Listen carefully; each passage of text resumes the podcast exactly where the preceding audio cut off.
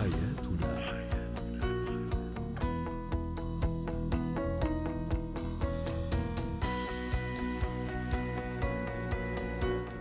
نجدد التحية والترحاب بكم مستمعينا الكرام. أنتم تستمعون لبرنامج حياتنا برنامجكم اليومي الذي يعنى بشؤون الأسرة والطفل وباقي الشؤون الحياتية الأخرى.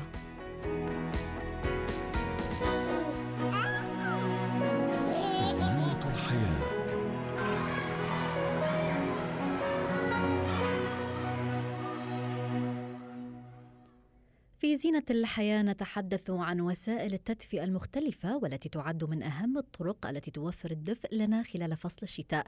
إلا أن سوء استخدام هذه الأجهزة قد يحولها إلى نقمة على الإنسان تهدد حياته حياة الأسرة. لذلك لابد من معرفة كيفية التعامل الجيد والحذر مع وسائل التدفئة بأنواعها المختلفة. للحديث عن هذا الموضوع ينضم لنا إياد العمر الناطق الرسمي باسم الدفاع المدني في الأردن. أهلا بك أستاذ إياد يعني يعني الأسر تستخدم خلال فصل الشتاء العديد من وسائل التدفئة. هناك من يستخدم مدافئ الغاز أو الكهرباء وحتى الفحم والحطب في بعض الأحيان يعني. بداية هل استخدام هذه الوسائل للتدفئة يعد صحي؟ وما هي أبرز المخاطر التي قد نتعرض لها أثناء الاستخدام الخاطئ لهذه الوسائل؟ شكرا أختي الكريمة. يعني مساء الخير لك ولكل إخواننا المستمعين. الواقع إنه المدافئ بشكل عام آه، وخاصة في فصل الشتاء وتحديدا الدول التي تشهد انخفاض لدرجات الحرارة لا يخلو منزل من استخدام هذه الوسيلة سواء كانت آه، تعمل على الغاز أو الكاز أو الكهرباء أو حتى مواقد الحطب. بالتالي هي عملية استخدامها لا يشكل خطورة إذا كان هناك استخدام آمن وسليم لهذه الوسائل. وأيضا ابتعادنا عن السلوكيات الخاطئة في عملية التشغيل والإطفاء والإستخدام يمنع وقوع الحوادث. لكن للأسف آه، آه، عملية الاستخدام بطريقة خاطئة هو ما يشكل عنا وقوع حوادث الاختناق أو حوادث الحريق. فبالتالي آه، كثر في الآونة الأخيرة يعني تحديدا عندما نتكلم عن المملكة الأردنية الهاشمية العام شتاء العام الماضي كان لدينا 29 وفاة نتيجة الاستخدام الخاطئ لهذه الوسائل بالتالي عملية استخدامها يتطلب اتباع إجراءات سليمة يتطلب توفير كل متطلبات السلامة العامة حتى نتجنب حوادث الاختناق والحريق أستاذ إياد هل يمكن لك أن تلخص لنا لدينا تكون ناتجة إما عبث الأطفال بهذه نعم. الوسائل وبالتالي يؤدي إلى نشوب الحرائق أو قد يكون نتيجة الاختناقات وهو ما تترك المدفأة مشتعلة أثناء النوم بعض البعض يلجأ إلى تركها مشتعلة أثناء النوم لطلب الدفء وبالتالي تؤدي إلى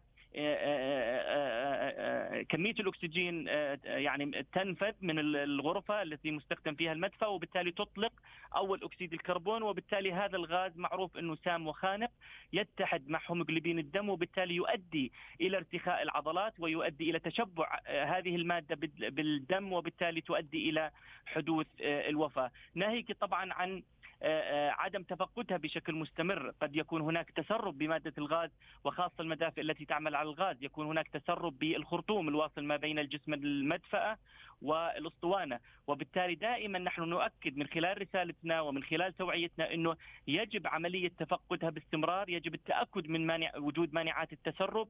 يجب التأكد من وجود الروابط. عملية الفحص باستمرار بواسطة رغوة الماء والصابون. حتى نتأكد أن لا يكون هناك أي تسربات. للأسف قبل قليل كان هناك حصل عنا حادث في منطقة وادي موسى جنوب الأردن وأدت إلى وفاة زوج وزوجته. طبعا نتيجة وجود التسرب لهذه المادة وبالتالي أدى إلى اختناقهم وبالتالي الوفاة. دائما نؤكد أن المدافئ يجب أن توضع في مكان جيد التهوية أن توضع في مكان بعيد عن الممرات الضيقة بعيد عن الستائر بعيد عن لعب الأطفال. وأيضا التهوية ما بين الفترة والأخرى هي نقطة مهمة. جدا حتى ما تحصل عنا حوادث اختناق. اذا الوسائل بشتى أنواعها وحتى الكهرباء. الكهرباء يجب أن تكون القدرة التشغيلية لمدفاه الكهرباء أن تتناسب مع الوصلة آه، أو المقابس الكهربائية الموجودة. إذا كانت قدرتها 2000 واط يجب أن تكون الوصلة أو المقبس الكهربائي يتحمل قدرة تزيد عن 2000 واط حتى ما تحصل عنا آه، انصهار للأسلاك وبالتالي تؤدي إلى تماس كهربائي أو حدوث حريق. فالمطلوب هو فقط استخدام آمن وسليم لهذه الوسائل.